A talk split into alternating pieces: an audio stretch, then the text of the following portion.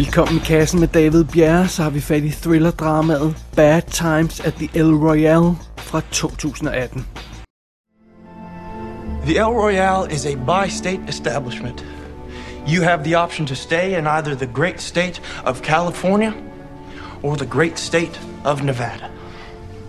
Warmth and sunshine to the west, or hope and opportunity to the east. Which would you prefer? What's the difference Between California and Nevada? between the rooms? Well, for starters, rooms in California cost a dollar more. Really? When did that happen? What makes them a dollar better? They're in California. And that's worth a dollar? Some people think so. You got a phone number for any of those people? Because I sure would like to sell them one of these vacuum cleaners. hey, speaking of which, who handles your hospitality here at the hotel? Currently, that is also me. Oh, well, shit. Så er vi nået til 2018's sidste episode af I Kassen. Nogle gange øh, har vi jo fat i en lille nytårsfilm her med, med årets sidste episode, men det bliver det altså ikke til i år. Sådan er det. Men vi skal lige nå en, en sidste film, inden vi lukker ned for filmåret øh, 18, og, øh, og det, ja, den kommer til om et øjeblik. Men inden vi når til den, så lad mig lige sige tusind tak, fordi du gider at lytte med til det her lille show. Øh, husk, man kan altid øh, sende mig en besked via websitet i øh, www.ikassenshow.dk med forslag og kommentarer og whatever man har lyst til og sådan noget. Det er jo, det er jo helt fint. Og øhm, ellers kan man også bare lytte med og nyde det, forhåbentlig, øh, i den anden ende der. Det er jo fint nok. Og næste år, så rammer vi jo rent faktisk episode nummer 500. Så, så tag lige og tyk på den et øjeblik. 500 episoder. Wow. Nå, anyway. Før vi når til episode nummer 500, så skal vi lige have den her overstået. Årets sidste anmeldelse. Here we go. Den kommer lige om et øjeblik. Vi trækker lige vejret dybt. Bad Times at the El Royale hedder filmen, vi skal have fat i her. Og den starter med en scene, der viser sig at foregå 10 år før resten af filmen. Vi ser en mand tjekke ind på et motelværelse. Han virker meget nervøs og sådan noget, og næsten øjeblikkeligt så begynder han at rykke helt om på rummet og fjerne gulvtæppet og sådan noget. Han hiver gulvbrædderne op, og så gemmer han en taske med et eller andet ned under gulvet. Og så lukker han hullet til igen og lægger alt på plads og øh, bla bla bla, så man ikke kan se, der har været nogen. Så det er jo meget fint. Og så springer vi 10 år frem i tiden. Vi er sådan cirka i 1969 nu, og vi er tilbage ved det her motel.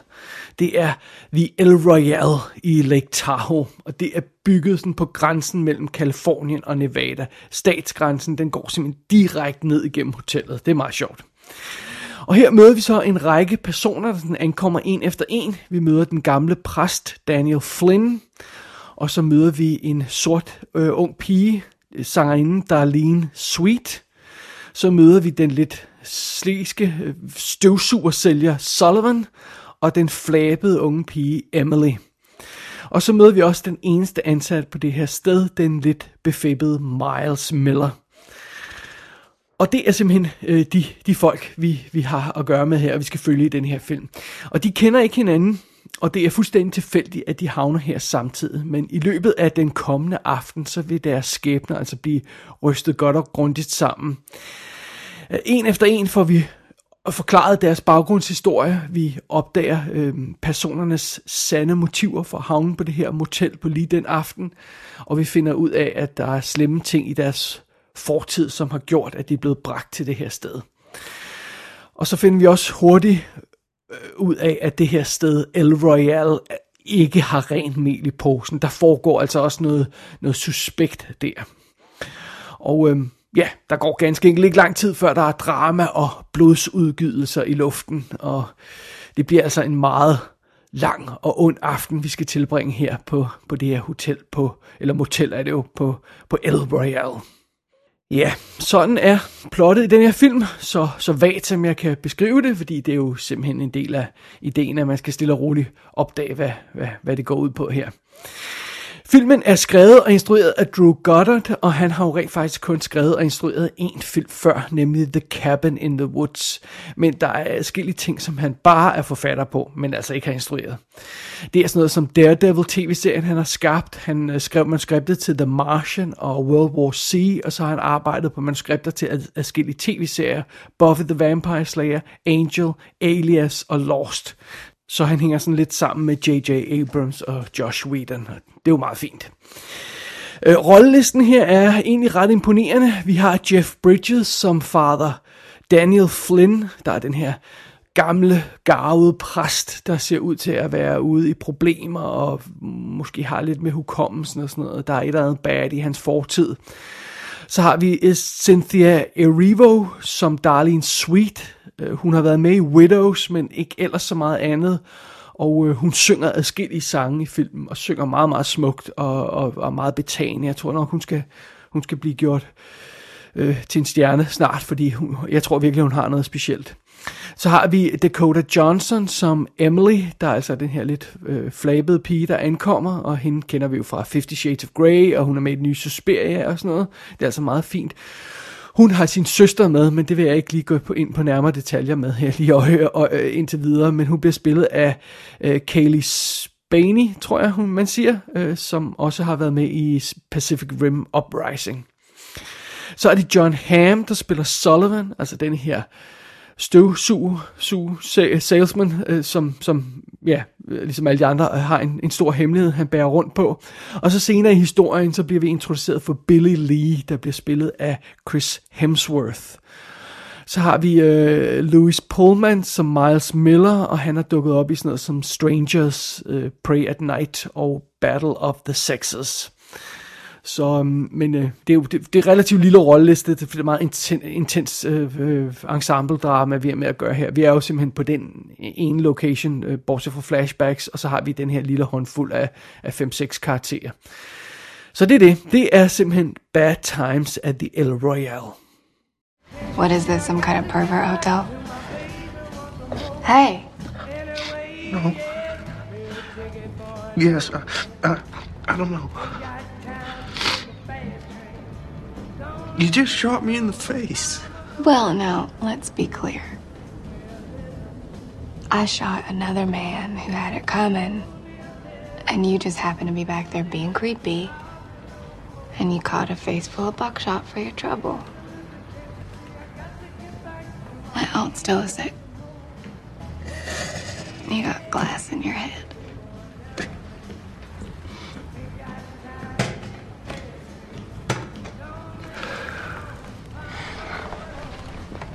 How does it look?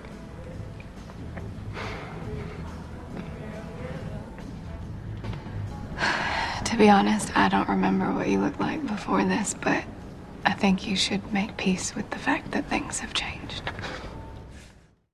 Bad Times at the El Royale afgiver en vis vibe, når man hører om den. Det, det lyder lidt som sådan 90'er gangsterfilm, sådan en The Usual Suspects og Things to Do in Denver When You're Dead. Det er ligesom det, den lægger op til. Vi har den her række af karakterer, der mødes et sted, og deres skæbner støder sammen og sådan noget. Der er sådan lidt, lidt The Hateful Eight-agtigt øh, over det, eller måske man kunne også gå tilbage og hive fat i sådan en som øh, øh For Few Dollars More, hvor de her dusørjæger mødes i samme by og sådan noget. Der er sådan lidt den vibe over det. Og filmen starter med en meget stilfuld scene, som er sådan en fastlåst kameraindstilling af et øh, motelværelse. Sådan super flot designet billede, og vi er igen vi det periode lukset til virkelig lækkert ud. Og sådan noget. Det er meget classy. Øh, og, og så kommer den her gut ind, og der sker ting. Han laver det her med at gemme pengene, og, og filmen giver så god tid til at etablere den her stemning, og det er meget det, det, det er fedt at se på. Det er, meget, det, det er et super fedt anslag. Øh, meget spooky, men igen, den giver så god tid til at, til at etablere, hvad stemningen er. Og så går vi videre, og så møder vi vores hovedpersoner. Og John Hamm, han er ligesom den, der tager teten i den scene, og, og giver den hele armen, som den her sleske øh, 60'er dørsælger der, som, som, øh, og, og, som, som, som, ja, som er lidt for Karl Smart, når, når han møder alle de andre, der forsøger at tjekke ind på det her hotel. Og øh, den her øh, check-in scene øh, udvikler sig til sådan en ret omfattende snakkescene, hvor øh, øh, der får, at de venter på, at at ham gutten kommer og betjener dem, og, og, og snakker om det ene og det andet, og øh, hvem er de, og hvorfor er de der, og bla bla bla, og og når, kommer der ikke snart nogen og betjener dem, og det er jo meget fint hotel det her, og motel, og bla bla bla, og det er alt sammen meget fint, og kan vide, om der kommer nogen og betjener dem, og bla bla bla, og sådan noget. Og allerede her, så begynder jeg sådan at blive en lille smule nervøs, nervøs fordi den, den trækker altså lige lovligt ud, den der scene der. Og, og øh, når det her check-in, og det eneste, der sker reelt, det er, at de her tre personer, eller fire personer, hvor meget det er, bliver tjekket ind. Når det er overstået, så er vi altså 20 minutter inde i filmen. Og øh, øh det, det, det eneste, der, der er sket på de 20 minutter, er altså, vi har haft det her anslag på hotel, øh, motelværelset i starten, og så har vi mødt vores, øh, 3-4 af vores hovedpersoner, som har tjekket ind på det her hotel. Det er det eneste, der er sket på 20 minutter. Og så er at øh, det begynder at blive tydeligt, hvorfor filmens samlede spilletid er 2 timer og 20 minutter. Det er ganske enkelt, fordi den er fucking langtrukken. Alt er omstændigt i den her film. Alt tager lang tid. De mest simple dialogudvekslinger og instruktioner af karakteren tager forever at komme igennem. Vi skal se det ene lange flashback øhm, efter det andet, for at fortælle karakterens baggrund og sådan noget, og man sidder der og tænker, hvad skal alt det her føre til? Og ja, det kan også godt være, at der er sådan nogle pludselige eksplosioner af vold og brutalitet i den her film. Men det eneste, vi får ud af de momenter, det er sådan set bare mere snak og lange, formålsløse flashbacks, der viser os ting, vi egentlig ikke rigtig har brug for, når alt kommer til alt. Denne her film trænger desperat til at blive klippet ned med et eller andet sted mellem 40 og 50 minutter. Ja, den trænger til at få 40-50 minutters materiale fjernet. Og det er altså meget. Og hele tiden, mens den her film spiller og tager sig tid til at spille, og alle scenerne tager lang tid, så sidder jeg hele tiden og tænker, hvad er pointen? Fordi der, der må være en eller anden pointe, ellers havde man ikke øh, øh, kørt alt det her apparat i stilling og givet sig så god tid til at fortælle de her scener. Det må være, fordi de skal, de skal vise et eller andet på en eller anden plan. Og du skal ikke forstå sådan, at det her scener er dårlige som sådan, eller at skuespillet er, ikke er fedt og sådan noget. Det, det er det sådan set. Scenerne fungerer sådan set isoleret set, øh, hvis man skal sige det på den måde. Øh, der er ovenkøbet også nogle rørende momenter undervejs i filmen. Og Jeff Bridges, han giver den hele armen, som den her gamle præst, der brænder virkelig igennem og sådan noget. Og historien om, om Darlene, den her unge sorte sangerinde, gør også virkelig stort indtryk og sådan noget. Der, der, der er noget godt drama i det. Men det vender os bare tilbage til spørgsmålet, hvad skal vi bruge det til? Hvad er pointen?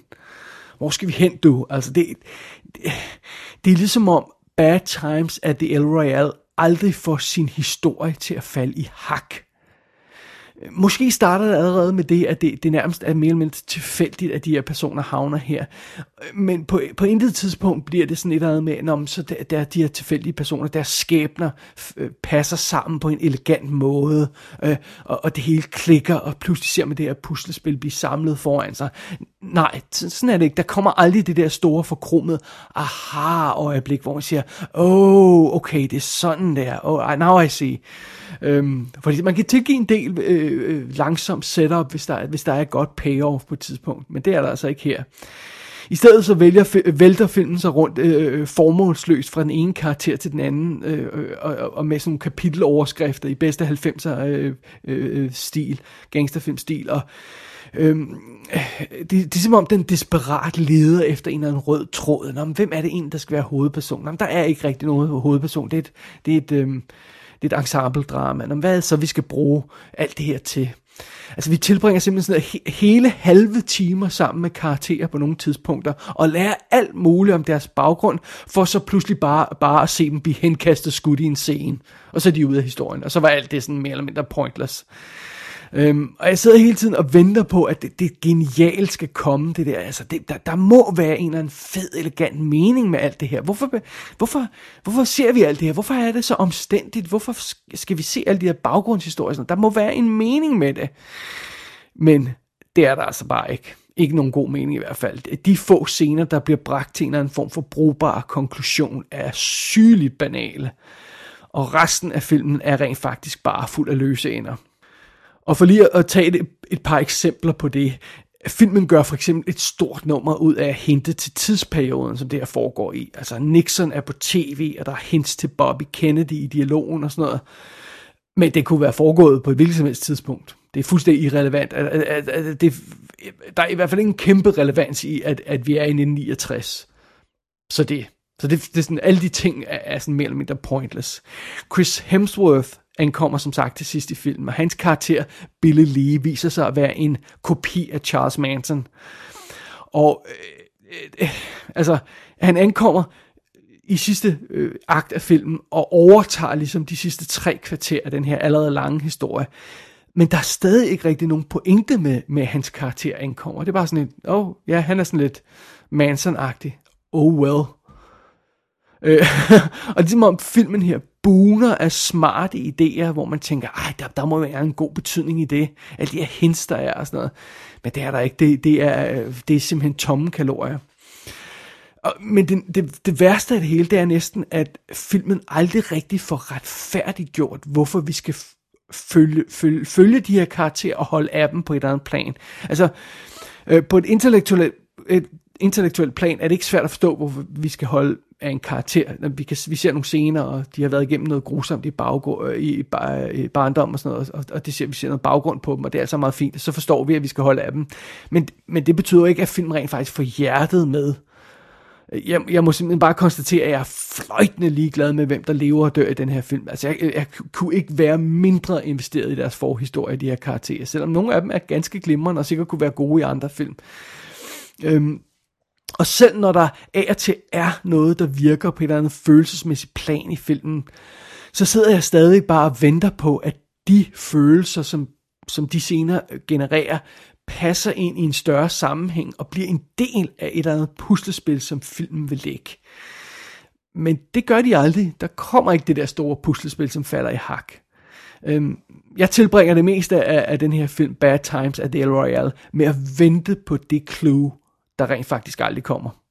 Og forstå mig ret, Bad Times at the El Royale er en super flot film. Den er virkelig elegant øh, skruet sammen og lækkert skudt. Production design er fabelagtig, og der er en masse fede detaljer i her og der, og en masse lækre skud, og rollelisten er fremragende og sådan noget. Så på overfladen ser det her ud som om, at det er en film, der vil være en sikker vitter. Men det er den desværre ikke. Øhm, Bad Times at the El Royale er den der klassiske, selvfede, Tarantino-agtige film. Instruktøren elsker at høre sin egen dialog. Og han er fuldstændig overbevist om, at han laver de mest fantastiske scener nogensinde. Hvorfor, hvorfor skulle de her scener nå frem til en pointe inden for en acceptabel tid, når de er så gode, som de er?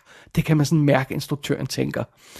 Øh, og, og, og det er ligesom om, han, der, filmen oser af sådan en følelse af, at vi som publikum skal prise os lykkelige over, at vi får lov til at overvære det her værk, som instruktøren har skabt.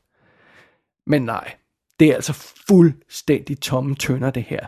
Der er ikke nogen pointe med den her film. Den er ikke i nærheden af at være så genial, som den selv tror, den er. Ærligt talt, jeg anbefaler, at man tjekker ind på Holiday Inn i stedet for.